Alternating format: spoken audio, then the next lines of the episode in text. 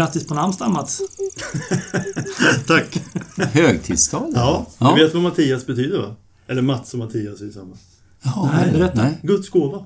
Ja, Oh. Jaha, härligt. du eh, säga grattis till mig också. Heter Nej, du Mats? Ja. Gulle det Ja, Jonas, det glömde jag.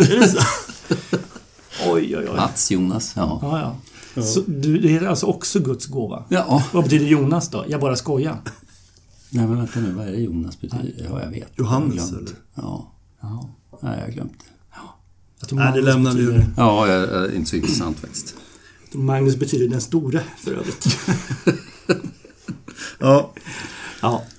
Jaha. Eh, roligt att se er.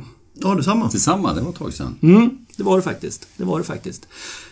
Jag tror innan eh, jag tryckte på inspelningsknappen här så om jag förstod det rätt så har vi ganska vare sig du och jag Jonas har så mycket aktuella grejer att ta upp här idag va? Eller? Nej, det, kan jag inte påstå. Det är lite vinterdvala i den mentala skådarvarelsen. Det är bara Matti som är ute. Ja, Ja. han har varit iväg.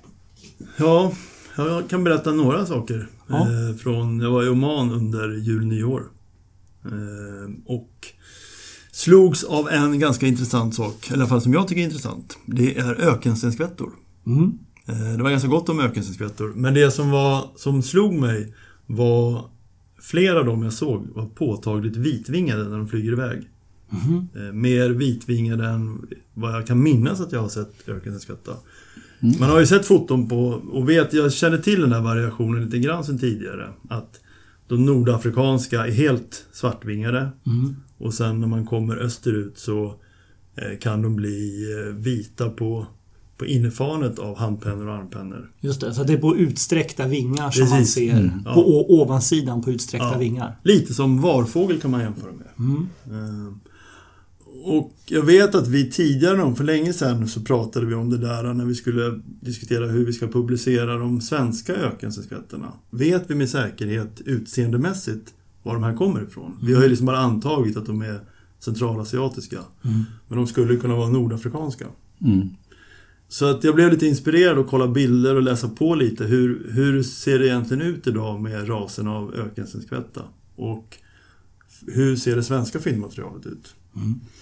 Och först kan man ju börja med att säga att eh, när man läser litteraturen så förstår man att färg, alltså det överlappar väldigt mycket allting. Så man ska nog inte tro att det går att göra någonting. Men, men jag tror att vi kan passa på att uppmana folk att i alla fall inte slänga sina flyktbilder eller sina dåliga bilder på utbredda vingar. Eh, För det, det är det som är lite problem när man söker i Svalan att alla vill ju lägga upp sin, sina fina bilder när de sitter på en sten eller någonting. Men egentligen är det är minst lika värdefullt att få en utbredd vinge oavsett om den är suddig eller inte bilden.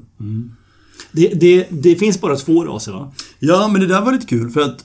eh, Jag tror man, i öster har man väl ibland pratat om två raser, alltså, eller? Förr i alla fall, när vi, när vi pratade om det här, då hade man gjort, då har man indelningen den nordafrikanska som heter homocroa. Och sen övergår den i en form som heter deserti som finns i Mellanöstern. Och sen kommer, den, sen, sen kommer den som vi då har antagit att vi har, som förut hette atrugularis. Just det. Tror jag den hette va? Ja. Ja, atrugularis. Men, och sen kommer en, den stora, den största rasen och den som har mest vitt i vingen heter Oreofola. Och finns i Kina och norra, norr om Himalaya där. Oj. Jaha, så, så det, det finns... Om man är, om man är Ja. positivt lagd så finns det alltså fyra raser? Ja. Men nu har, i den senaste eh, verket av Svensson och Shirahai, så har de faktiskt tagit bort atrugularis. Så nu har de, de har dragit ut Deserti, alltså Mellanösternformen får följa med ända bort till Baikal. Oj, Ja. Så det är en form. Och så homo, homocroa är kvar i Nordafrika, som i djupten övergår till Deserti.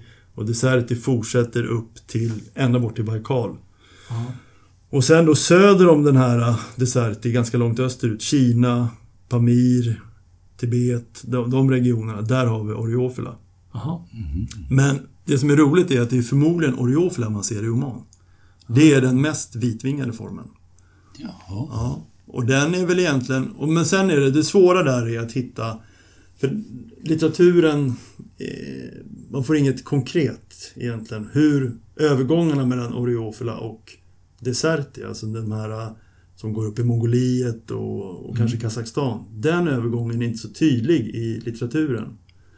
Eh, Men det är den, min lilla spaning är att det här kanske är om tio år, kanske är det skiträtt.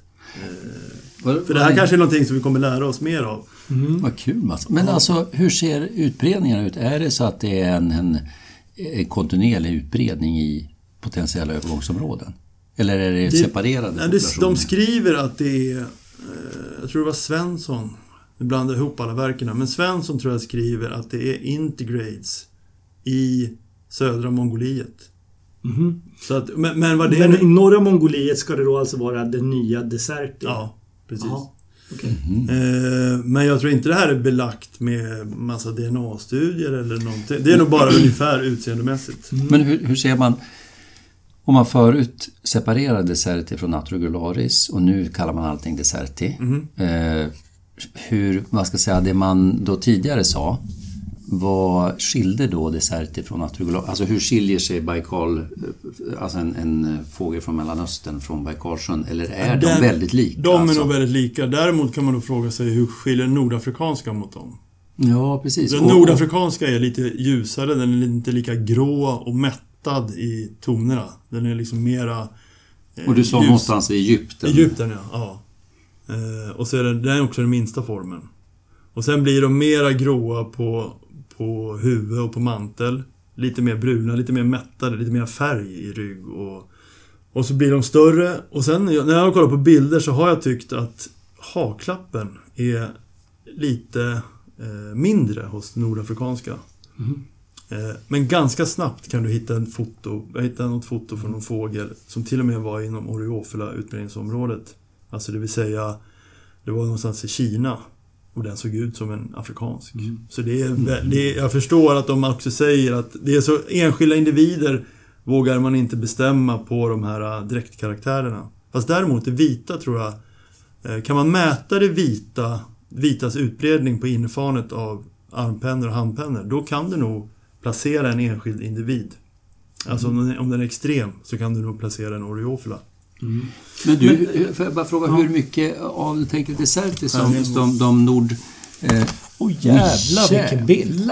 Det där är en från Oman nu. Oj, herregud. Får Som du har vi- tagit den? Ja, Får vi...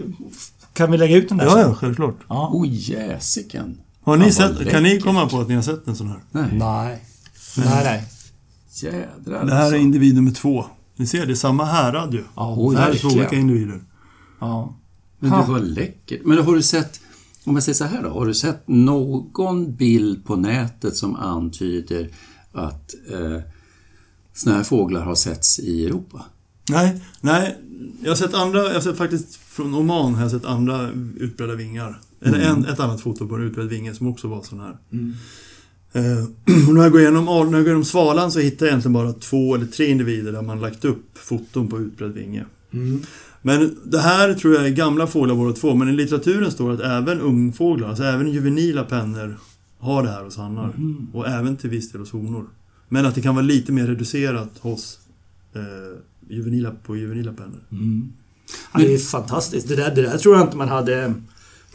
Det där går man ju liksom inte riktigt förbi heller. Nej. Och så ser man dem flyga så måste det vara ganska slående. Ja. Ja, ja det är det. Ja. Men du Mats, innan vi fortsätter här. Kan du dra igen? Vad, vad sa du nu? Vilka är gråast ovan och vilka är mest... eh, Vilka är varmast ovan? Alltså de afrikanska har inte lika mycket grått. De blir lite mera sandfärgade, eller lite mera rosa sandfärgade nästan. Och när du kommer österut så blir de mera grått inslag och lite mer brunt. Lite mer... Lite i analogi med de båda ökensångarna kan man säga. Ja, ja precis. Ja. Ja, så kan Okej. man säga. Men, men som sagt, jag... Det här är mera en uppmuntran till att kanske börja samla foton och få... Ja, vi kanske kan få till ett större material där vi kan eh, utvärdera direktkaraktärer. Mm. Jag har bara gjort en snabb screening nu på, på de vanligaste sidorna. Men du, du sa ju att du hade hittat eh, de som nästan såg nordafrikanska ut Mm. eh, långt. Men har du sett någon med såna här magnifika vingpaneler? eh, Typ i, Nej, nej. eh, i södra Sibirien eller Altaj eller alltså så nej, hos, nej, hos nej. Tvärtom sa den. Det är, det, det är konstigt att när de fotona, få som jag hittat på utbredd vinge eh, har ju inte haft något vitt alls. Så jag undrar var det, om, om det är så att den kanske... Eh, jag förstår inte riktigt var man ska hitta det vita i, i Desertis utbredningsområde. Det kanske är så att det är, att det är väldigt sydligt i Desertis utbredningsområde. utbredningsområde där det alltså närmar sig Oreoferna. Mm. Jag vet inte, jag har inte hittat några. Ja, men det ju- låter väl Men vilken Ja. grej! Det är ju Ja. ascoolt. Ja. Ja. Men du, båda, båda de som du har visat nu ser ut som gamla hannar. Ja. Ehm, har, har, du, har du någon bild på, lyckas du få någon bild på en ungfågel? Eller såg du själv Nej. någon ungfågel? Nej, det, det intressanta är att de som jag liksom... Som inte, för många drar ju bara iväg. Om du liksom till exempel stannar längs en bilväg Mm. så ser du en och sen bara försvinner så kan den dra ganska långt. Men båda de här fick jag tid. De höll sig inom ett ganska... Så jag kunde... Man måste ju få flera tillfällen att, att fota dem. Mm. Eh, Mm. Mm. Men jag såg faktiskt... eh, För det första såg jag såg ganska många. och Nästan bara hannar. Jag tror jag såg en eller två honor. Mm. Jag vet inte. Det, jag vet inte vilka... Jag förutsätter att det mest är Oreopla som övervintrar i Oman. Ja. Men det kanske... Men skulle då alla desertifåglar försvinna? Eller vad, vad, De kanske är längre... de längre kan- västerut? De kanske längre västerut. Ja. Men, men jag tror att hade man sett någon som såg ut så här så tror jag man hade kommit ihåg det. Mm. Men, men uppmaningen är att eh, det är kul om alla går in i sina foton och ser vad man har för eh, de, fota, de svenska fåglar man har fotat. Mm. Eh, Och hittar man någon utbredd vinge så vore det väldigt kul. Oavsett om den inte, den får gärna vara... Det är lika intressant om den är mörk. Så lägg gärna upp den i Artportalen eller lägg upp den på vår Facebook-sida. Men den borde svara, helst i Artportalen så att den finns lite i, Mm. för framtiden. Men det är ju lite intressant att titta alltså på alltså, vinteröken stenskatter i Mellanöstern närmare oss i VP också som Mm. ska vara jättespännande att se om man hittar någon sån här. Mm. När du sa Baikalsjön Mats innan, då menade du egentligen eh, ostvästlig riktning i princip va? För det går väl inte upp några...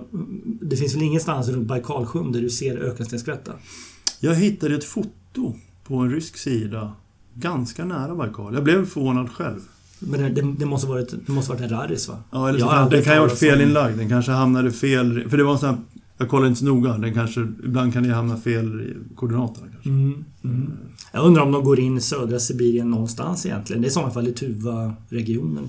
Ja, just det. I Altaj finns de nog upp på högstäpperna där kanske va? Mm. Ja. Ja, vi hade ju på mongoliska, i mongoliska Altaj. I, på, mongoli, Ja, alltså ja, på ja. mongoliska sidan så är det ju gott om dem. Mm. Men om de går in över den ryska sidan gränsen, Ja, ja. det vet ni, jag minns inte riktigt faktiskt om... Men det gör de säkert någonstans. Ja. Jaha, ja men ja, det ja, var men det var en roligt. liten spaning. Ja. precis. Hade du något mer från... Något mer kul från Oman? Eh, ja, det, det, man gör ju alltid massa små roliga noteringar. En, en rolig grej också det var... Jag stod i någon våtmark där. Och så hör jag ett lät. Jag hade, jag hade hoppats på lite mer piplärkor. Jag hade knappt haft... Jag hade, inte, jag hade, jag hade för lite fältpip, men... Jag hade hoppats på att man skulle se lite vattenpip och någon hedpip och sådär. Men, men så hörde jag ett läte. Det var mycket citronärlor var det. Mm. Eh, och så hörde jag ett läte som lät som någon dämpad forsärlelock. Lite tunnare, lite som det skulle kunna komma från en piplärka. En sån här dubblerat... Men ganska genomträngande och på håll sådär. Så jag tänkte, vad tusan. Alltså jag, jag fick inte ihop det. Jag kände inte igen det och förstod inte vad det var. Eh, till slut, och det, det, ganska länge höll den på så jag kunde ju till slut lokalisera den. Det var en citronärla. Jaha. Samma fågel när den lyfter sen. Den sitter och- avger det här lätet. När den lyfter sen så avger den det klassiska citronärlelocket. Ja. Så det var, Mm. det kan ju ha varit bara en, Jag har sökt igenom på Xenocanto och jag har inte hört någon enda inspelning. Jag vet inte, om har ni någonsin hört något sånt? Nej. Som man kan påminna mig. Nej, Så det inte- kanske bara är en, en avvikande individ, Mm. eh, förmodligen. Kul. Roligt. Men du, du Tyvärr ingen inspelning. Ingen inspelning? Nej. Okej. Det är mycket kul att titta på imorgon alltså. Va? Väldigt lättrest land. Jag blev förvånad över hur trevligt land det var och bara... Och, och, Vi Mm. bilar runt hela landet. Det var väldigt smidigt. Ja. Mm. Vi går tillbaka till Lärland. Vad var det för ålder och kön på den? Fick någon kläm på det? Nej, det kommer nog... Kanske en ung fågel. Ja. Mm. Nej, jag kommer, jag kommer, jag kommer faktiskt inte ihåg. ja, roligt.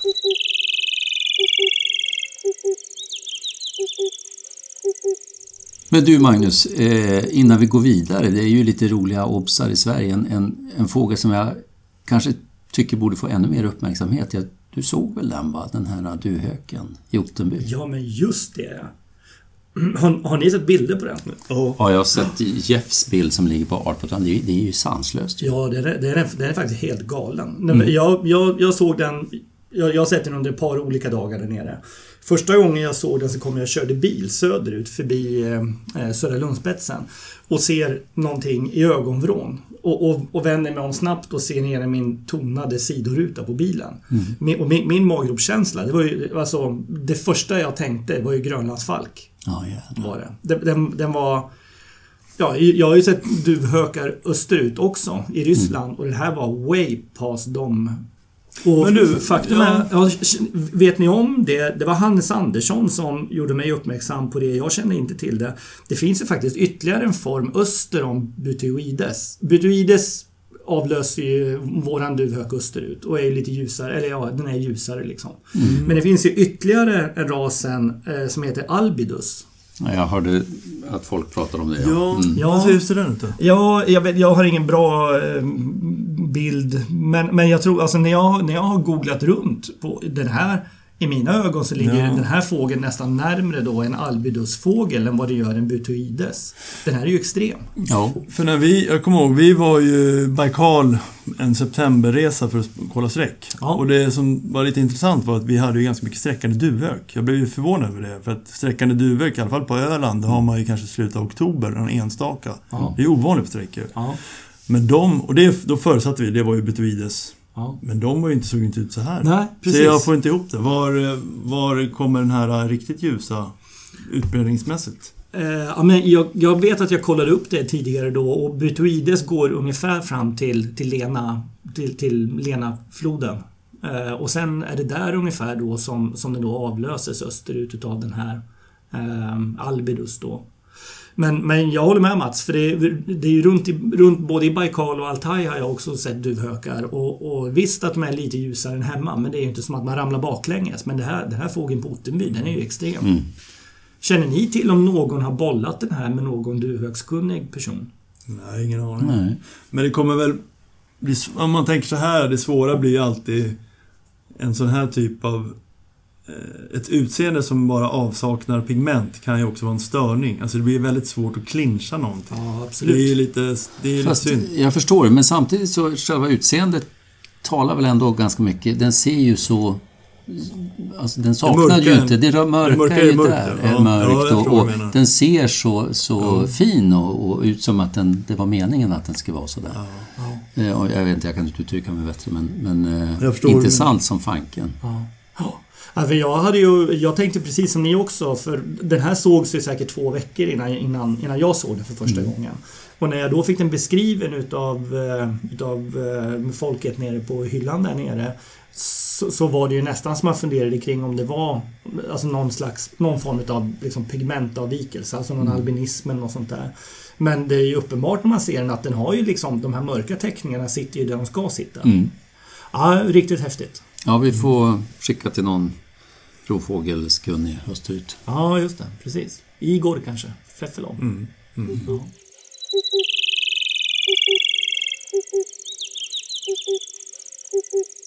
Just det hörni. Sen tror jag att vi behöver ta upp ett par grejer från förra eh, programmet också. Eh, är det inte så att vi borde beröra både personatasädesärlan och kanske asurmes igen också? Kanske det. Oh, vi får väl krypa till korset där lite. Båda. Ja, samtidigt så känns det som att den här Facebook-sidan som du startade fyller ju sitt syfte där tycker jag. Det har ju varit på båda de få- fåglarna varit väldigt bra diskussioner efteråt tycker jag. Ja. Alltså om jag får försöka sammanfatta, nu gör jag väl samma misstag igen att det var ett tag sedan jag läste de där svaren på Facebook. Men alltså, vad jag, eh, det var jag som drog igång nå- någon slags eh, resonemang där kring asymesen. Och att det, eh, jag kände att det skulle vara trevligt om man, om man fick en, en bättre redovisning för vad eh, variationen inom asumes eh, i den västliga delen av utbredningsområdet, framförallt väster om Baikal. Och det tycker jag, eh, inte minst eh, Alexander Hellqvist. Menar du väster om Ural? Ja, väster om Ural. Ja, just det. Vad sa jag? Baikal? Ja, Ural givetvis. Nej, men Alexander Hellqvist eh, svarar på det och han, han menar ju att de här fåglarna då som nu har dykt upp i, i Sverige med det utseende är inte alls vanliga i det ASUMS-materialet han har tittat på från, från Ryssland. Även att det som var redovisat i vår fågelvärdartikeln var ju baserat öster om Ural. Men han sa ju att det här är ju direkt ovanligt och det mm. tyckte jag var väldigt bra att få svar på, på den frågan. Mm. Men sen, jag menar, det sista ordet är väl inte sagt och det ska vara jättekul att, att invänta nu finnarnas eh, undersökning och så. Och det, mm. Vi får väl också avvakta beslut från RK på den senaste, senaste frågan här. Så det är säkert anledning att återkomma med de diskussionerna. Och så var det personatan också va? Det blev lite diskussion kring det. Var, det var väl mitt fel. Jag, Eh, det, eller det, det var väl lite farliga med de här, det här samtalet som vi har i, kan ju lätt bli... Man tänker inte alltid på att eh, det kan tolkas olika eftersom det är ganska många lyssnare. Och jag var ju lite sådär eh, blottade bara att jag kände lite obekvämt med att den inte var typisk i örontäckare under ögat. Och så sa jag, eller jag kommer inte ihåg exakt vad jag sa, men det var ju några som blev oroliga för om oj, kommer det här bli kallad hybrid? Eh, sen var det en väldigt befogad fråga från Björn Andersson som ställde frågan fin, ha, Finns det foton på hybrider överhuvudtaget? Vi har ju sett i litteraturen och jag har ju sett i fält i Iran. Eh, så jag la upp en bild på en som jag tolkar som hybrid. Jag vet inte om ni såg det fotot? Mm. Men det är som han säger, det är ju inte, det är väldigt svårt att hitta foton på hybrider. Mm. Eh, och jag menar ju inte att den här ska kallas hybrid. Eh, och sen framförallt, sen kom det ju, de fotona vi hade från början. Det var intressant att fotona därefter som kom senare, framförallt några veckor senare när den hittades igen, så ser den ju bättre ut. Så, eh, eller bättre ut, men de, den ser bättre ut just under ögat och örontäckarna tycker jag. Mm. Jag vet inte om det kan ha varit att den jag tycker det låter långsökt att den skulle ha kvar en del av juvenildragen. För juvenil det är en annan sak, men den har bytt hela. Mm. Men tror du, är det rimligt att den kan ha haft juvenila fjädrar kvar när den kommer hit i november? Nej. Det känns ju helt galet. Ja, ja. Nej. Det, det så det kan vara fotot i sig bara. Men mm. bara för att förtydliga, det är inte något hybridkort draget på den här. Det var en, en spontan tanke. Mm. Alla kan lugna ner sig nu. Behöver inte vara oroliga. Jag gillar det där nu så att det här kan skapa oro mitt under pågående corona världsutbrott. Man får alltid perspektiv på olika saker. Ja. Ja. ja, trevligt med lite pudlar från er. Jag har väl fan inte pudlat någonting.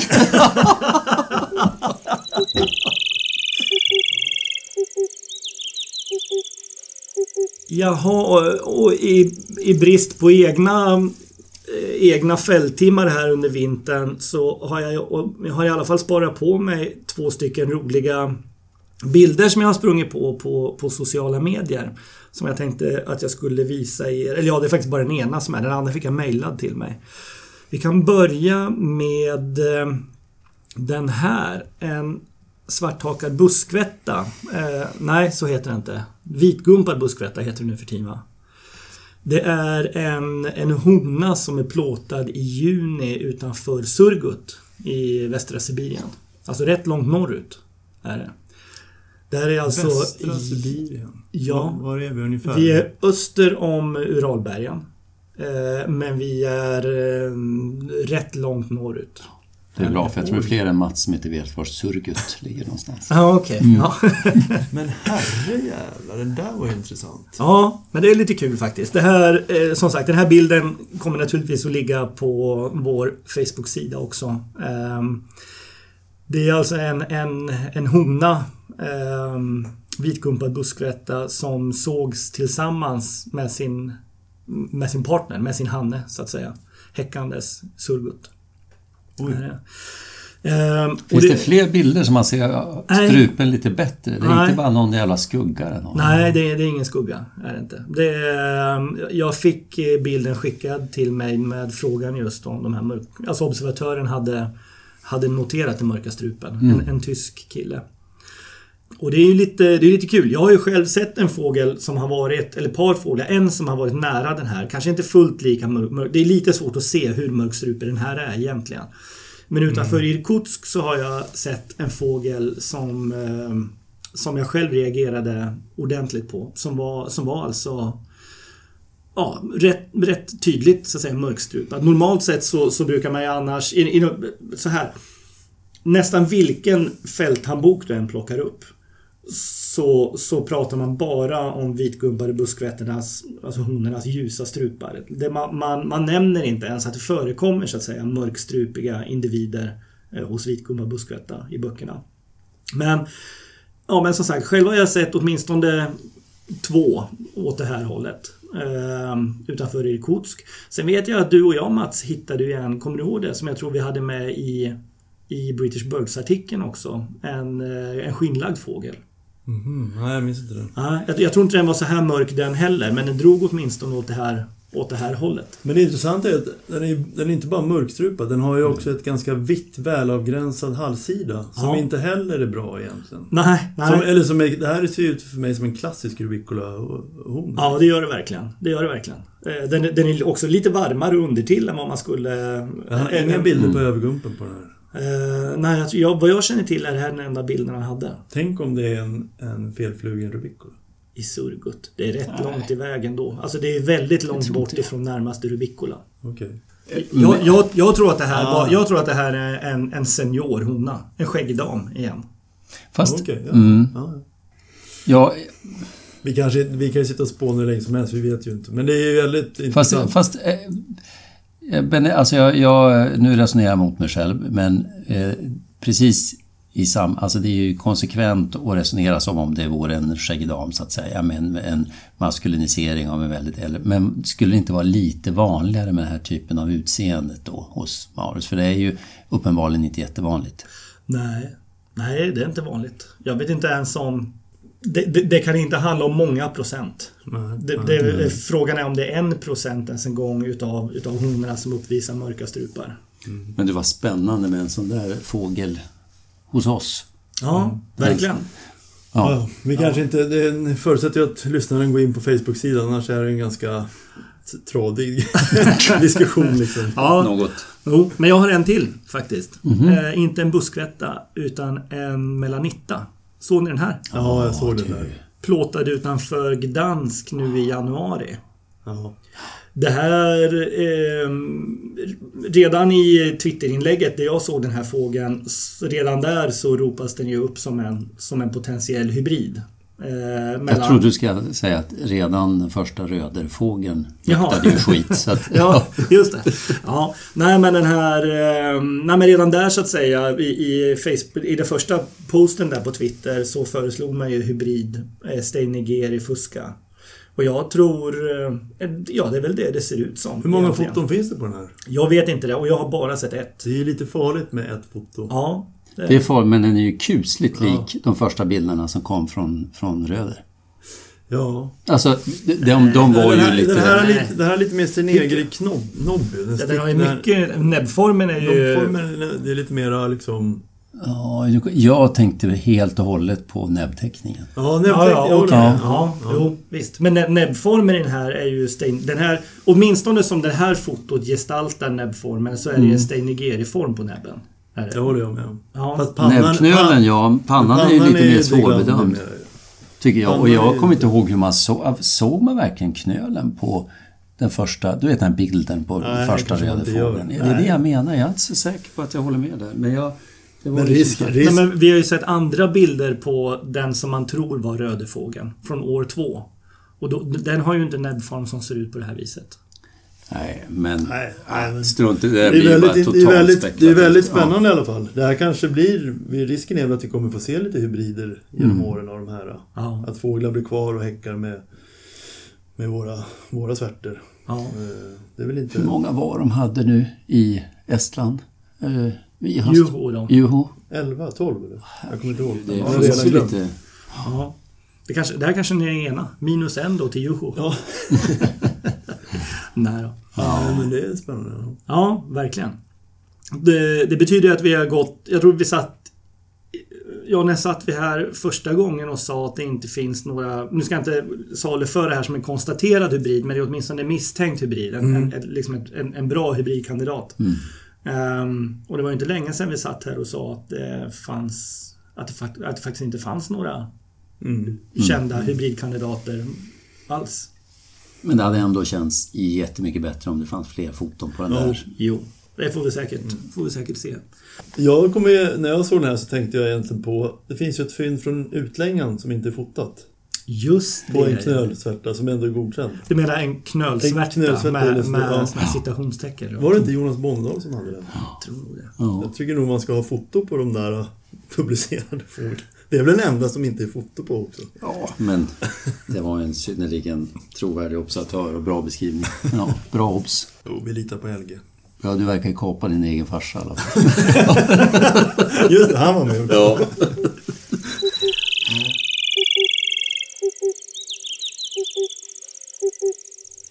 Strax efter jul här så fick jag en, en, en ganska stor omgång roliga bilder ifrån Mattias Ullman. Eh, det var inte han som har fotat utan han har fått dem i sin tur ifrån, eh, ifrån eh, vår vän Batmunk i Mongoliet. Och Mattias och hans far Magnus och jag hade en, en ganska rolig diskussion där under några veckor kring de här Isabella-törnsgatorna. Och den var, den var så pass kul så att jag tyckte det var synd att inte ta vidare till, till den här församlingen. Så eh, ja, de sista veckorna här nu har jag ju plågat er lite grann med de här, med de här Isabella-bilderna. ja, herregud. Ja. ja, det tog en stund att kräva, kräva ut svar från er måste jag säga. Mm. Gjorde det. Men jag tycker att det var, jag tycker att det här var både kul och lärorikt. Det måste ni hålla med om ändå. Absolut. Ja. Ehm, och jag tänkte att vi skulle köra ett lite större sjok i podden här nu med Isabellerna och prata lite grann om dem. Är det någon av er som vill börja och måla upp eh, kartbilden för oss? Ja, men det, ja jag, kan, eller, jag kan börja. Det, det var ju kul för det här området där de här är fotade är ju Kovd, eller Hovd eller hur man uttalar det. Mm. Som ligger i västligaste Mongoliet. Ja. Där vi är egentligen i Isabellinus land. Ja, i den- västligaste delen utav Isabellinus utbildningsområde. Ja, ska, ska vi säga... Ska vi strunta i Isabellinus och Foenikurides? Ska vi säga Isabella och Turkestan här Ja. nu istället som det står i fågelboken? Ja, okej. Ja, vi kan försöka i alla fall. Och Isabella är då den östliga som häckar i Mongoliet och södra Sibirien kan man säga. ja, och norra Kina. Och norra Kina, just det. Ja, eller är det Adenorius? Börjar krångla till det redan. Ja, alltså nu pratar vi Isabella Törnsgatan. Isabella-gatan. Ja, förlåt. Ja. ja. Eh, och eh, Turkestan då är Kazakstan, kan man säga, lite, lite slarvigt. Och, Mm. Men den spiller ju lite över här, Turkestan. Det finns ju väl enstaka häckande fåglar man har konstaterat i västra, i alla fall i västra Kina, söder om Mongoliet. Men har man konstaterat eller Turkestan i västra Mongoliet häckande? Inte som jag känner till. Det, det enda jag känner till är att det från Altai-regionen finns enstaka rapporter om Turkestan-törnsgator. Så du skulle ändå säga att, att det, det är helt otänkbart eh, att i augusti ha ungfåglar Turkestan. Det, det, det är det inte i Hovd. Nej, nej, nej. Det skulle jag, inte, jag skulle inte säga att det är otänkbart. Men väldigt osannolikt. Ja, om man tittar på kartan Ja. så ser det osannolikt Ja, ut. lite var Ja, hela absolut. min ingång i detta. Absolut, men- ja. För, alltså båda formerna flyttar ju sydväst sen ner mot Arabiska halvön, Ö- Östafrika. Mm. Så det, det bildmaterial du skickar till oss, det är 33 individer va? Mm, 32. 32 från ett, eh, ett höstmaterial, augusti, september, oktober också kanske? Det var, jag tror det var mest augusti-september. Augusti, september, i ett område där vi egentligen faktiskt nästan, vi ska bara ha Isabella Törnsgata egentligen. Så har jag... Ja. Så var det Det är min tolkning. Ja, men, Ja. men, och så, vill, så ber du oss egentligen att bedöma de här, eh, både unga och gamla, men det är ganska många ungfåglar. Du vill att vi ska, vad tycker ni att det här ser ut som? Men sen skulle du också be oss också att om ni är tvungna att rösta, om de var fynd i Sverige, och du Ja. satt i en RK-sits, hur skulle vi rösta på de här? Mm, elakt. Ja, men det var ju intressant. För det, det Elakt och konstigt och ja, jag känner mig extremt obekväm med det där. Nej, men men, men lite spännande givetvis. Det var, det var... Och vi har ju bråkat du och Magnus ganska mycket om det här med ungfåglar. Hur, kan vi överhuvudtaget publicera ungfåglar? Mm. Är överlappet totalt utseende? Eller liksom, vågar vi... eh, Och, och vi i Sverige har ju aldrig... Vi har ju publicerat en ungfågel eh, från Utklippan med hjälp av, tack vare DNA kan man säga. Ja. Eh, och jag tror att britterna, de publicerar inte ungfåglar va? Nej, eh, så här. Britterna historiskt sett har låtit bli att publicera ungfåglar. Sen under de sista två, tre åren så har de frångått det. Så att åtminstone en, kanske ett par stycken publicerade ungfåglar har de där nu. Mm. Eh, Men här i Sverige, eh, jag tror till och med att det, det skrevs då när vi gjorde omgranskningen utav alla Isabella-fynden för 15 år sedan eller vad det var, så tror jag till och med att, att, vi, att RK uttalat att vi formulerade som så att, att ungfåglar kommer vi att lägga åt sidan tills vidare. Mm. Och så har också skett med undantag utav, som du nämnde Mats, fågeln på Utklippan som man hade DNA-stöd för. Men sen så har ju DNA-stödet i sig kommit att ifrågasättas också. Det verkar ju vara mycket mer komplext genetiskt än vad, än vad man trodde då. Det är Urban, Urban Olsson analyserade eh, den här fågeln. Eh, och det är också Urban som har berättat för mig att han därefter under följande år så att säga har insett att det här kanske inte är så enkelt som man tror. Så Oj, frågan är om man kanske egentligen borde titta på, på den unga utklippanfågeln en gång till. Och, Och man prata kan- med genetiker. Man kan nästan säga, det här materialet du skickar oss, de här 32 individerna, från en punkt, en fågelstation som ligger i ett väldigt hett område. Det, det utseendet som vi ser på alla de här, på många av dem, styrker ju faktiskt Urbans eh, utsago att det är lite soppigt. Ja, För det är, det är ju min kontenta av allt det här. Ja, precis. När, jag har gått, när man gick igenom alla de, de här eh, individerna och då... Med ungfåglarna funderar man i första hand på hur, hur kontrastrik är den? Eh, Turkestan har ju den här lite tydligare ögonmasken, ljustäckning över ögat och över masken. Eh, ganska ljus botten i både haka och undersida och kropp och flank och lite mera brun ovan. Medan sen Isabellin, Isabella är ju ganska mera utsmetad, jämnt sandfärgad med mindre kontrast mellan ovansida och undersida och ganska liten ögonmask. Men många av de här individerna på din, de är ju något mellanting där man inte vågar... Det, min, det jag slogs av var att det generellt drog för mycket åt Turkestan. Det är Precis. genomsnittet. Det tycker, det tycker Ja, jag också. Och jag, jag, jag, jag satt som jag sa med ingången att här måste det bara vara Isabellinus. Och så ser man ett, ett, det, det vanligaste utseendet, om man ska försöka generalisera hur de här såg ut. För det var ju faktiskt ingen enorm spännvidd på utseendet på fåglarna. Vi har några som stack ut åt ett par håll. Men det var ju att är det här Isabellinus, då kan vi ju glömma att försöka bestämma. Alltså, då blir det ju jättesvårt, inte minst att bestämma Phoenicurides. Ja. För att de, de var ju inte så att ett, ett under av de här varma utsmetade färgerna som du säger Mats, som, som skulle... Det var några individer. Ja, några var det som skilde ut sig. Och, och de flesta var ju väldigt, eh, vad ska jag säga, eh, vittonad, åtminstone på strupen, hakan så att säga. Ja. Nej, jag håller med. Eh, Och det här det är ju kul. Det här är ju liksom ett blindtest Ja. egentligen. Är det. Och, och, och jag ville egentligen avkräva er på, på två på två olika svar. De- Dels vill jag veta rent allmänt vad ni tror och tänker givet att det här är beshovd. Vad, vad, vad, vad tror ni egentligen att den här fågeln... Hur, hur, hur, ja, hur, skulle ni bedöma den på plats så att säga? Men det andra var just också om nu den här fågeln hade varit Ja, om, om de här fåglarna hade varit fångade vid, på, vid Falsterbo eller Utklippan eller Ottenby eller vad det nu är. Hur skulle ni då ställa er vid en liksom, eventuell RK-bedömning? För det är ju faktiskt en helt annan sak. Är det. Just det, jag ska säga det också att samtliga bilder här kommer att läggas ut på vår Facebook-sida. Eh, och jag kommer att lägga ut dem på... Jag kommer faktiskt att gruppera dem efteråt. Jag kommer att gruppera dem efter våra bedömningar. De som vi har kallat för Isabellinus-typer och de som vi har kallat för Phoenicurides-typer och de som vi inte har vågat tycka någonting alls om. Men de kommer ligga ute även när, nu när lyssnaren lyssnar. Så Absolut. man kan gå in direkt. Ja, ja, jag kommer att lägga ut de här bilderna innan, Ja. innan jag lägger ut... Så eh, de som vill kan pausa nu och göra sin egen bedömning här. Koka kaffe. Ja, Ja. Ja, ja, men det är lite roligt. Det ska man göra tycker jag. Det, är- det är spännande. Mm, precis. Okej, men ska vi börja med de här 11 gamla fåglarna? Ta lite avstamp ifrån dem.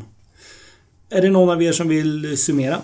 Ja, ja, jag kan summera väl så, så, så gott jag minns. Eh, men vi var ju ganska överens om att flertalet av dem ändå var Isabella Törnsgata. Mm. Eh, och att i alla fall tre av dem är hybrider. Eh, visar hybriddrag. Just det, precis. 24, 16 och 17. 13 och 14, de är så ruggande så de tycker jag är tråkiga att ens prata om i avsnittet. Men jag tycker de här ruggande fåglarna luktar lite konstigt. Och jag tycker det är växande stjärt på 24. Jag undrar om de här är ganska nära. Om de har, liksom, om de har häckat i närheten av eh, fågelstationen. Alltså man blir nyfiken på hur, hur materialet runt show ser ut. Alltså häckfågelmaterialet. Mm. Ja, precis. Nej, jag, jag, jag vet inte det. Jag vet inte det. Får, får jag bara säga en sak? För det Mats sa var ju lite intressant om man tar fågel 14 där. Mm. Eh, som ju man kan ju säga drar åt nästan Turkestan om man nu inte tror att det är en hybridfågel vi inte ser stjärten tillräckligt bra för den växer och sådär. Det är svårt i och med att den är så... Men man har ju svårt att tänka att den har flyttat några vansinniga sträckor med det där utseendet, med den där växande stjärten och så, att den är ändå från närheten. Ja, det, så kan det absolut vara. Vilket gör ju det ännu mer spännande på något vis. Vad är det för fåglar egentligen, för material vi har tittat på här? Vi kan ju ha lyssnare som har varit, för det är några som har varit där på våren ju. I showen. Ja, just De det. kanske har kanske har fotat häckande fåglar runt om station, runt, i närheten av stationen. Ja. Det vore jättekul att se. Ja, just det. Ehm, Men frågan är, men om man vänder på det här bara för de här då, om vi tar 8, 15, 25, 26, 28, 29. De tycker vi att de är otvivelaktiga Isabella. Det tycker vi. Vi röstade väl till och med att de skulle publiceras som sådana om de dök upp hos Ja. oss. Ja. ja, det Och det är ju intressant att vi är överens där. Ja. Eh, Jag tror den enda utav dem som jag tycker i sådana fall ser något udda ut är nummer 15. Ja, Eh, för den, den är ganska mörkt, eh, lite nötbrun ovan och har också lite märkligt distinkt ögonbrynstreck. ja, jag håller Sen- med. Jag ska, ska vi säga någonting kanske om, om hybridiseringen? Ja, Det är lite kul. Det är ju kul för de ser ju så... Det är ju liksom en, en egen entitet på något vis och en liten specialitet för den här regionen. Ja, precis. Och då är det i första hand individ 16, 17 och 24 vi pratar om då. va? Mm. Det är ju det är lite kul med hybrider mellan eh, Isabella Törnsgata och vanlig Törnsgata. För det, eh, själva, själva hybridiseringszonen är ju ganska liten och begränsad. Men inom den, inom den zonen så är de ju rätt vanliga. Vi pratar om sydligaste Altaj och nord, eller ja, sydligaste delen utav ryska Altaj. Och sen nordvästra hörnet av Mongoliet. Det är egentligen bara där man känner till att det, att det kläcks, så att säga, Och blir det rätt att tala om hybridiseringszon eller ska vi tala om en zon med fåglar med ett distinkt Ja, hybridutseende? det, det är nog kanske snarare det. Ja. För Ja. Antagligen handlar det liksom om ett, ett genflöde. Ett mer, mer eller mindre, det är ett stabilt utseende. Antagligen orsakat utav ett genflöde som kan ligga rätt långt bak i tiden också. Väldigt snygga fåglar. Mm. Annars, man kanske ska säga det också att hybrider mellan Turkestan och Isabella Törnsgata. Det är nog däremot inte särskilt vanligt förekommande. Överlappet är ju... Eller så här. Det finns ju egentligen inget överlapp i de ordinarie utbildningsområdena. Däremot så kan man ju tänka sig att enstaka felflygare kan hamna snett och säkert genomföra liksom, lyckade samhäckningar. Men kan inte vara delvis att det också är lite svårt att detektera dem. De kan gå under radarn. Liksom. Så kan det vara, men å andra sidan så är det ju, det är ju bergsmassiv mellan dem. Det är i princip bergskedjor som liksom skär av utbredningsområdena. Så att jag, jag skulle inte... Jag tänker på de här fåglarna, jag vet inte om vi kan lägga upp dem, men det finns ju ett par fångat ganska långt in i Mongoliet. Eh, nästan i här Shanghai-regionen. Jag tror det finns en hona och hanne. Jag vet att vi har tittat på dem någon gång. Och sen finns det ju Det finns ju skinnserier från Tuva där det också är några individer som man kan undra är hybrider mellan eh, Turkestan och Isabella. Mm. Men liksom att vara säker. Är... Jag, jag, eh, jag, jag själv känner bara till eh, en sån så att säga, konstaterad samhäckning. Och det, det, det finns foton på ett par ifrån sydostligaste Kazakstan, från Sharyndalen. Eh, där det är en, en, en utav vardera, så att säga. Eh, men där är ju Isabella Törnsgatan där är ju utav eh, alltså den sydvästliga rasen Arenarius. Eh, och inte utav nominatformen som man kan förvänta sig här uppe i Mongoliet då. Men du, innan vi går vidare till de yngre fåglarna, Magnus. Vi såg ju en intressant obs när vi var där, apropå hybridisering mellan eventuell brun och... Ja, det var ju fantastiskt roligt. Ja. Hela inramningen var ju lite skum. Ja, den var ju speciell kan man ju säga. Ja. Men det, ja, tänk att se avkomman till och- Brun och Isabella. Har vi berättat för det Mats, när vi stod i det här kö, kökaoset vid gränsövergången mellan Ryssland och Mongoliet Förra, so- eller för, förra sommaren då. Mm. I, I där, precis. Ehm, när vi sitter i kön på väg att ta oss in till gränskontrollen. Eh, det är ju inte jättepoppis med kikare och kameror där, som du vet. Men rätt vad det var så ser vi en, eh, en, ja, en brun törnskata först va? Mm, ja, vi var en brun törnskatehona, just det. Så var det. Eh, som sen blir, vi ser att den blir uppvaktad utav en, en Isabella-törnskata. Oj. Ja. Eh, och Niklas Andersson, eh, han smygfotade ju inifrån bilen. Vi stod och täckte upp honom. Alltså så att han, hans kamera inte syntes Ja. utifrån. Ja, precis. Men, men ingen vågade ju ta fram tub och sådär. Utan vi satt ju med handkikare på ganska långt håll och sådär. Men sen när vi kom hem sen och öppnade bilderna i datorn. Då visade det sig att den här Isabella-törnskatan, hannen i det här paret. Den, den har ju, det är ju en hybridhanne. Den har koluriogener i sig. Så här eventuellt har vi då se fram emot en häckning här mellan en, en, en brun törnskatehona och en hanne som är en hybrid mellan en, en vanlig törnskata och en Isabella-törnskata. Oj. Om det inte bara vilken- var en rastande hona som blev uppvaktad. Vilken det, det, gatukorsning. Ja men, ja, men den, den blev uppvaktad på Ja, riktigt. Ja, det, det såg ut att vara Ja, något på gång. Alltså. Han, han Ja. flög fram och liksom Ja, ja. Så här, vingdallrade och Visst. hade sig. Och, för det är ju ingen biotop för brun törnskata där. Det- Nej, det är det ju inte. Brun törnskata är ju inte vanlig där. Men vi hade ju brun Ja, ja. törnskata bara några mil därifrån. Precis, Hade- där vi...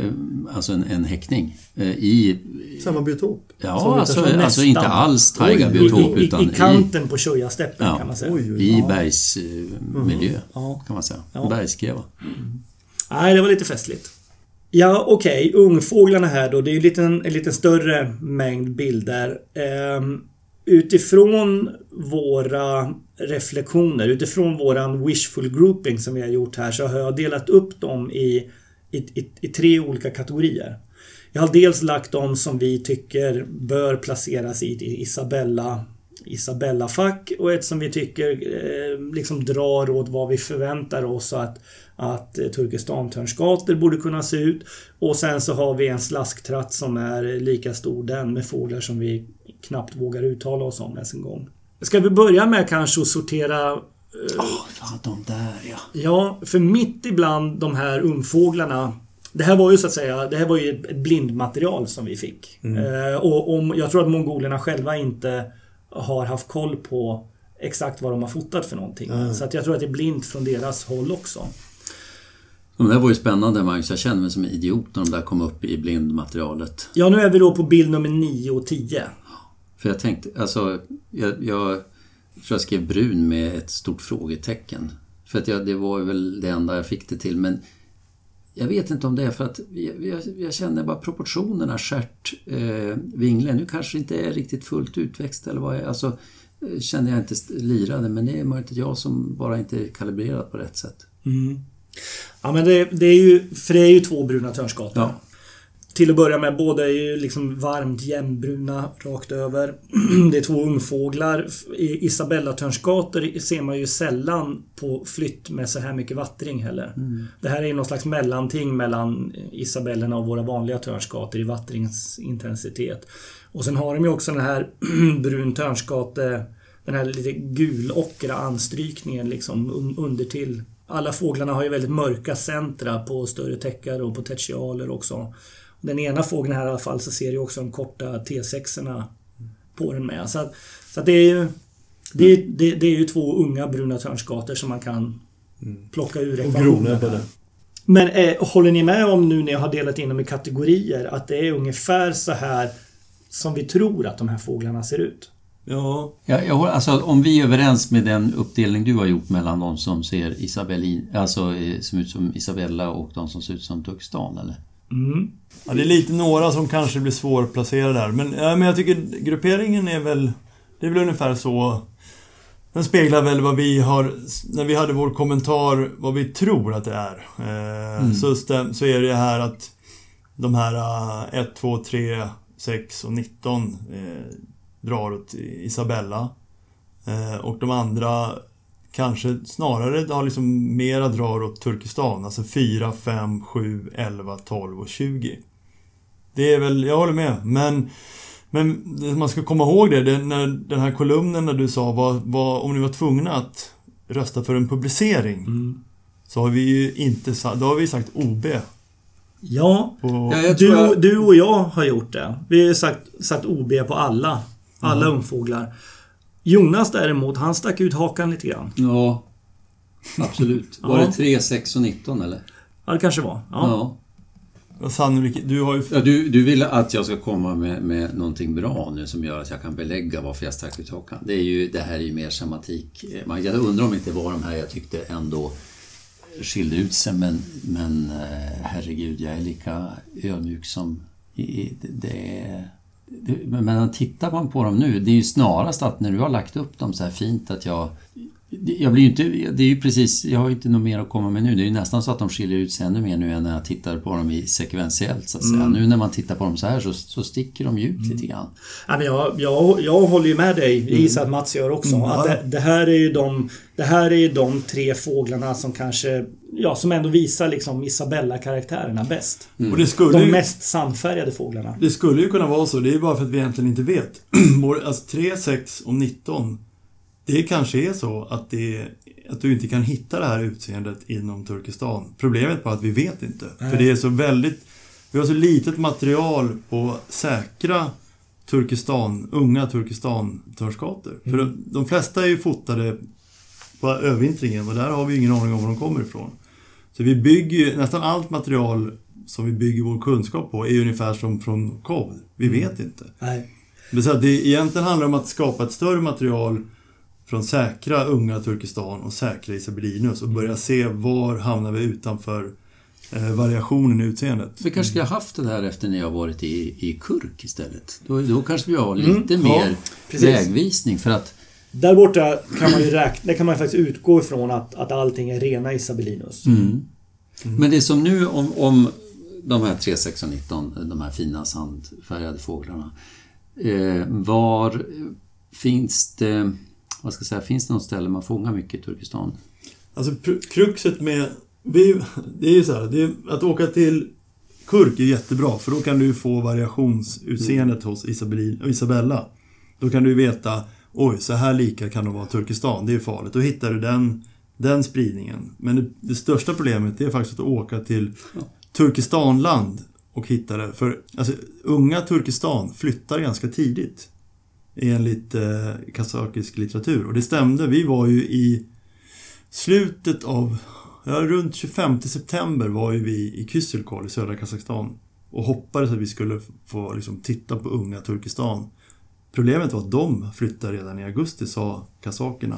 Och ersätts av flyttande Isabella. Så vi såg, de gamla vi såg, det var Isabella-törnskator som var på flytt. Jaha. I Turkestans häckningsområde. Och då, vips, så har ju, då vet vi ju inte vad vi tittar på längre. Nej. Så det, det är jättesvårt att hitta en punkt och datum i Kazakstan för att studera unga Turkestan-törnskator. Ja. Och det, tyvärr tror jag det är ju inte bara Kazakstan. Det, det, det, det finns ju egentligen inga eh, liksom, geografiska punkter där man kan där man på något sätt kan utgå från att det är unga Turkestan-törnskator man, man har att göra med.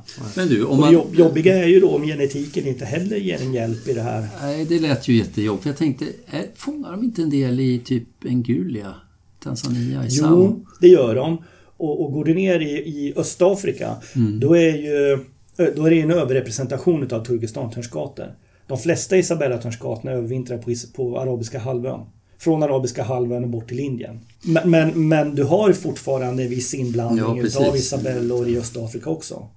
Men du Magnus, egentligen med det här ungfågelmaterialet, kanske det intressanta är väl egentligen inte att hitta, för att vi förväntar oss ju att det här merparten av ungfåglarna ska vara Isabella. Och att vi hittar då åtminstone tre stycken som verkligen känns som eh, mer eller mindre betryggande att det här kanske vid en framtid när vi vet mer möjligen ska kunna landa in i, i att det här faktiskt är isabeller med, med viss säkerhet om de skulle uppträda i Sverige. Men jag tycker det var nog så intressant, titta, om du tittar på den andra gruppen, Den var ju så stor med en, en som man känner, vad, vad är det här? Det kan ju orimligt vara så här mycket Turkestan. Vad är det här för fåglar? Nej, det är, Absolut. jag håller med. Det är, det är, det är den mest spännande contentan tycker jag av det här äh, materialet. Ja. Teoretiskt sett så, så skulle man ju kunna tänka sig vi, har ju ing, vi vet att det förekommer hybrider, det ser vi på de gamla fåglarna. Men vi har ingen aning om hur hybridernas avkommer ser ut. Alltså hybriderna ser ut som 1K-fåglar.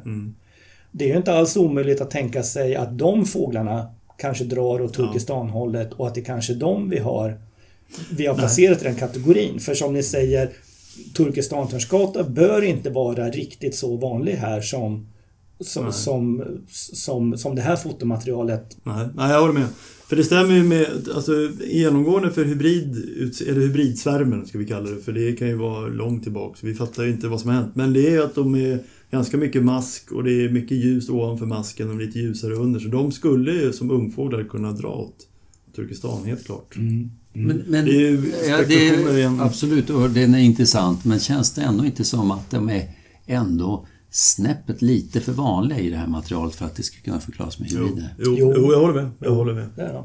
Men å andra sidan vet vi ju ingenting om ungfågelspridning hos Nej. Turkestantörnsgata. Och, och det är ju, ja. Men jag tror de här, de här heta Isabella-kandidaterna då, 3, 6 och 19.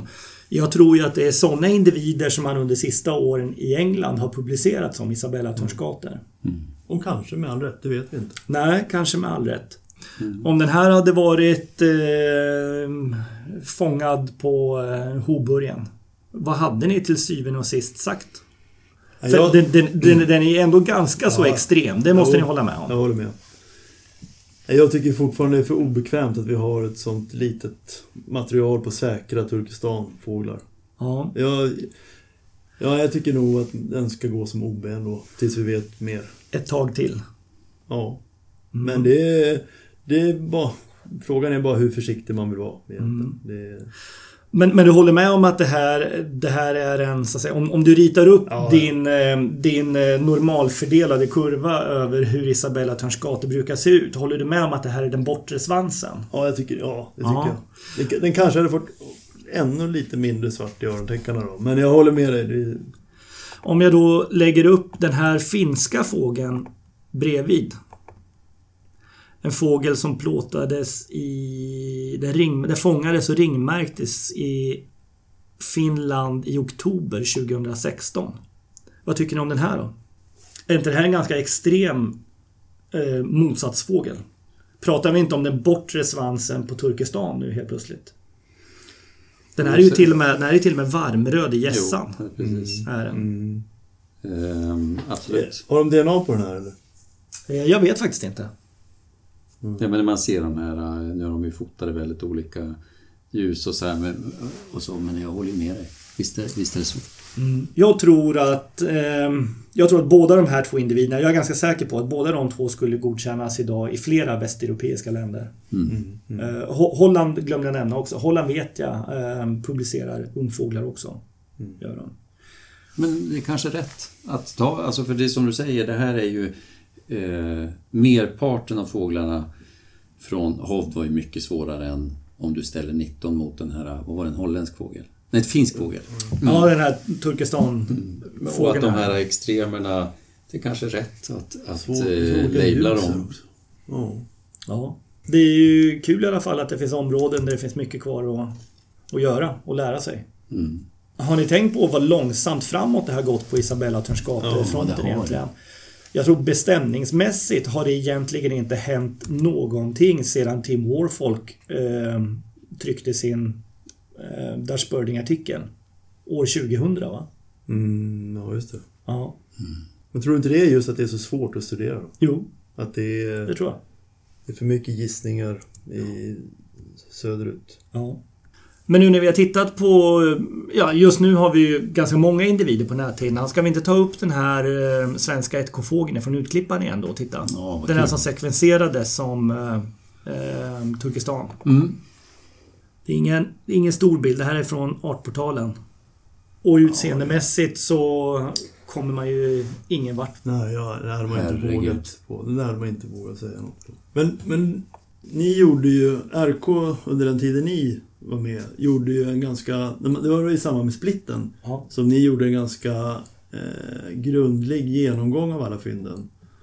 Eh, och för några år sedan så tittade vi på dem igen, bara för att se om man hade eh, med ny kunskap kunde göra andra bedömningar eller någon, eh, placera ytterligare individer. Men det är ju som du säger Magnus, man har inte kommit så mycket framåt vad det gäller kunskapsläget. Nej. Så kontentan var den samma och den svåra individen som man tycker fortfarande borde kunna placeras för det är hyfsade foton, det är ju fågeln från Södra Lunden i Ottenby, vad är det, 91? Nej? 93. 93. 93. Augusti 93. En gammal hanne. Ja, den, den, vi var ju fortfarande en mellanting tyckte vi även med dagens kunskap. Och det Ja. var ju så ni satte den då med. Ja, fast då grejen var att vi hade ju Då hade vi ju bara eh, någon tryckt bild ifrån VF tror jag på den. Ja, sen kom, ja. Sen så droppade det ju faktiskt in några nya bilder på den. Men det är fortfarande lite vitbalansstök på den individen. Ja. Men är det så att av de gamla, av gamla fåglar så är egentligen alla placerade i ett fack förutom den Ottenbyfågeln va? Ja, men så är det Så nog. är det. Ja. Så är det nog. Ehm, All, de flesta utav de gamla fåglarna är ju faktiskt hyfsat Ja. väl fotograferade. Jaha. Är de. Det, det är den Ottenbyfågeln från 94 som fortfarande slinker mellan stolarna lite grann. Ehm, om det är någon av er som lyssnar som, som sitter på bilder på den så är det Mm. så, så är det ganska stor chans att det, nya bilder skulle kunna liksom bidra till bestämningen utav den. Du, om, om eh, det nu är lite föreligger lite osäkerhet kring genetiken på utklippanfågeln, då är det bara två fynd kvar av Turkestan. Ja, det stämmer. Det är den här gamla honan som sågs nere längs sydkusten i Skåne våren, vad kan det ha varit? Början på 2000-talet. 2004. Ja, just det. Ja. Ehm, Så LGs fågel. och sen LGC, som ja, också ett vårfynd faktiskt. Mm. Mm. Häromåret på, på Utlängan. Däremot Isabella är det ju lite fler, det är ju en handfull. Mm. Ehm, och den senaste var ju den som sågs, en gammal fågel som sågs nu i höstas i Östergötland som fotograferades också. Och sen är det ju ett dussin obestämda fåglar sen uppe på det. Mm. Det är intressant att eh, Isabellorna då, de här fem, är allihopa höstfåglar va? Mm. Ja, alla fem Isabeller, eh, gamla fåglar, är från hösten. Mm. De två godkända Turkestanfåglarna är faktiskt majfåglar. Ja, det är spännande. Mm. Det är ju lite sådär, de här... Det går ju igen lite. Vi får ju lite mera Mm. centralasiatiskt och kanske mera medelhavs, eller den regionen på våren. Och lite mera riktigt östligt på, på hösten.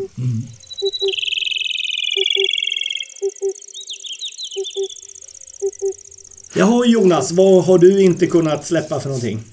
Du, eh, ja som sagt det har inte varit så mycket fältaktivitet så det var, jag kom över och läste en, en artikel som ju, jag tror många av er kommer ihåg. Eh, Det publicerades ju ett, ett arbete om tuvsnäppa och eh, dess, eh, hur, vilka enorma geografiska områden den täckte in. Ja, efter häckningen där. Ja. Eller efter första häckningen. Ja, och så var det lite mer, nu har jag glömt bort vilken tidning jag läste, det var ju lite mer be- behind the scenes så att säga. De forskarna, eh, holländska forskare, eh, eller ja, tyskar kanske, Bart Kempeners hette en av de ursprungliga forskarna som, som åkte upp och det startade egentligen redan 2005.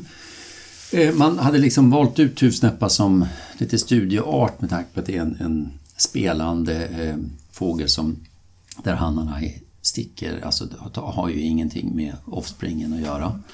Eh, de uttryckte sig ganska hårt i den här artikeln. De bidrar bara med the sperm till, till, ja, till, och, eh, till, till själva häckningen där. Och det som det man såg då, det var ju liksom en, en hur hela den här storyn kring den här eh, beteendet hos hannarna eh, hur det rullades ut så att säga. För att då 2005 då hade man ju inte den här tekniken utan man började att och, och, mm, märka upp honor och hannar och hannarna med små radiosändare. Och det här är tidigt på häckningssäsongen, den första som kom, det är slut på maj i Barrow, mycket snö kvar och sådär.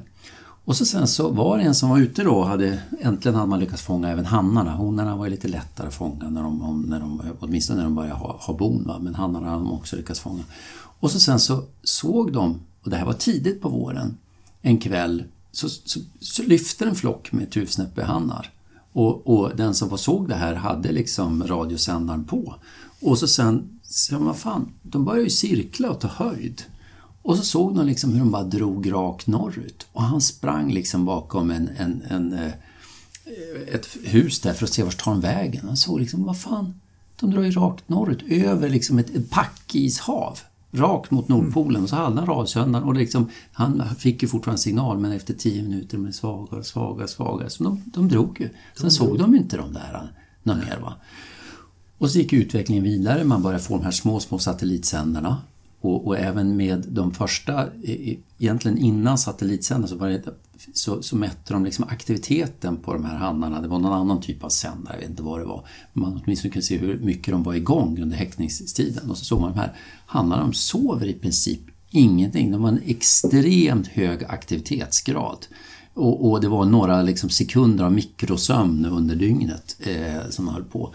Och då kunde man också mäta det, att de hannar eh, som sov minst, de var också de mest framgångsrika. De som parade och fick mest offspring så att säga. Mm. Och de, de liksom döpte det eh, If you snooze, you lose. Eh, eh, så att det gäller att sova så lite som möjligt. Men sen kom ju den där då när de första satellitsändarna som var så lätta, som bara väger 5 gram och de satte på dem. Mm. Och det, det, är ju faktiskt helt makalöst hur eh, Tusnäppehannar gör. Eh, det verkar vara liksom, de kör all in i att försöka ja, para så mycket och på i så många områden som möjligt. För man såg att de tusnäpper som häckade i Barrow senare på säsongen hamnade så långt eh, västerut som nästan till Jamalhalvön i Sibirien eller upp till nordöstra Kanada. Och, och sen har man gått vidare med de här undersökningarna och sett vad är det som styr och det var ju någon han som besökte upp till 24 stycken spelplatser, 24 områden i jakt på nya honor så att säga och, och paras under hela sommaren. Då. Herregud. Ja, och, och det man sett nu det är ju eh, att de, de verkar inte liksom... Det, det är mycket väder och vind som styr det här.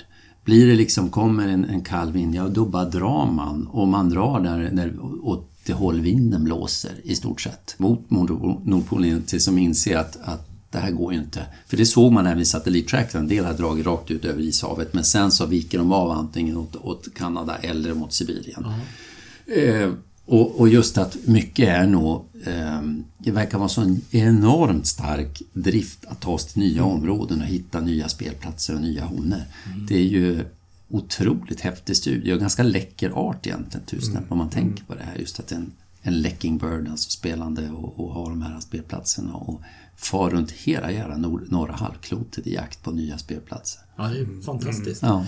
Hur stort är övervintringsområdet? Vet, vet ni det?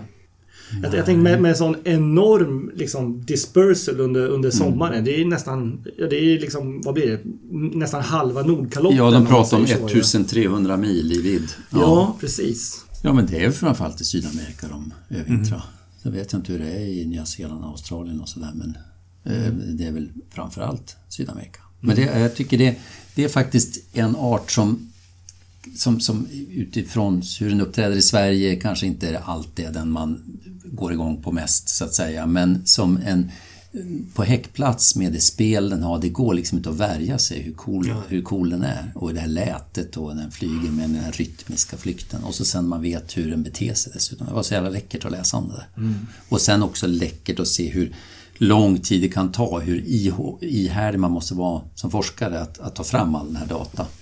Det har ju krävt rätt mycket stålar i satellitsändare och väldigt mycket fälttid mm. från nå dithän. Eh, Mats, vad har du inte kunnat släppa? Ja, jag har inte, det här var ju väldigt spännande som Jonas berättade. Jag har, jag, jag, återigen min Omanresa kan jag berätta. En, jag gjorde en åldersstring som jag störde mig på. Som mm. jag inte kunnat släppa. Jag hade en, en ung kejsarörn det, var, det är gott om kejsarörn där nere i Oman. Eh, en sån där läcker ungfågel som ser ut som en juvenil.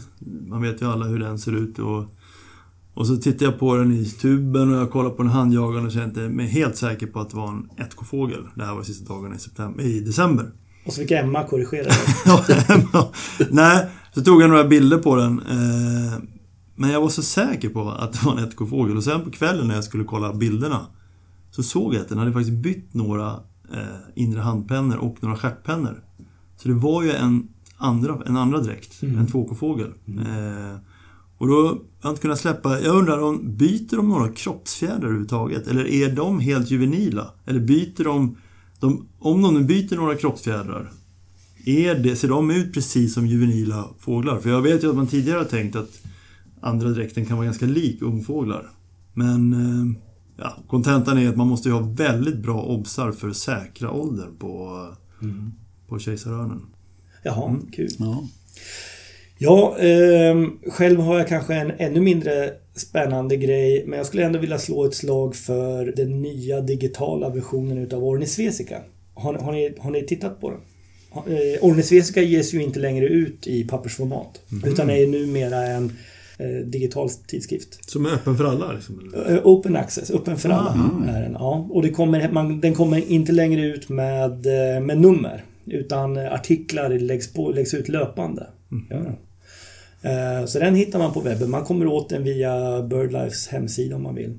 Eh, Ja, nu under vintern, hösten här så såg ni att Reino Anderssons artikel gällande Hibenans buskvetter Den är bra också. tycker jag. Den jag sett. ja. Den är ju kul. Ja. Är den. den är faktiskt jätterolig. Han har... eh, Ja, vad ska man säga? Han har kvantifierat helt enkelt. ehm, ja, men den såg jag ja. Ja, precis. Ja, han har liksom försökt att sätta siffror på den utseendemässiga variationen hos, hos eh, Hibenans fåglar. Eller ja, hos, hos övervintrande fåglar egentligen. Nu, nu blandar jag ihop det lite grann här känner jag. Men det är en blandning utav skandinaviska fåglar som han har gjort en liten analys på som jag tycker är, är väldigt kul. Men du, kan man skriver? den där Ornisvesica på någon Facebook eller Instagram så man får, man blir uppdaterad när nya artiklar kommer? Eller? Ja, men de, eh, det finns en Facebook-sida. Eh, Ah. Det är ju Martin Stevander som är chefsredaktör numera för eh, Ornisvesica. Och jag tror han är nog... Han ser nog till att hålla det där Mm. uppdaterat. Så gå in där och likea och sen så håller ni koll på vad som kommer ut. Ja, bra. Jaha, eh, men vi avrundar där eller? Ja, Absolut. Ja, Ja. Tack ska ni ha för ikväll. ja, tack. Tack själv.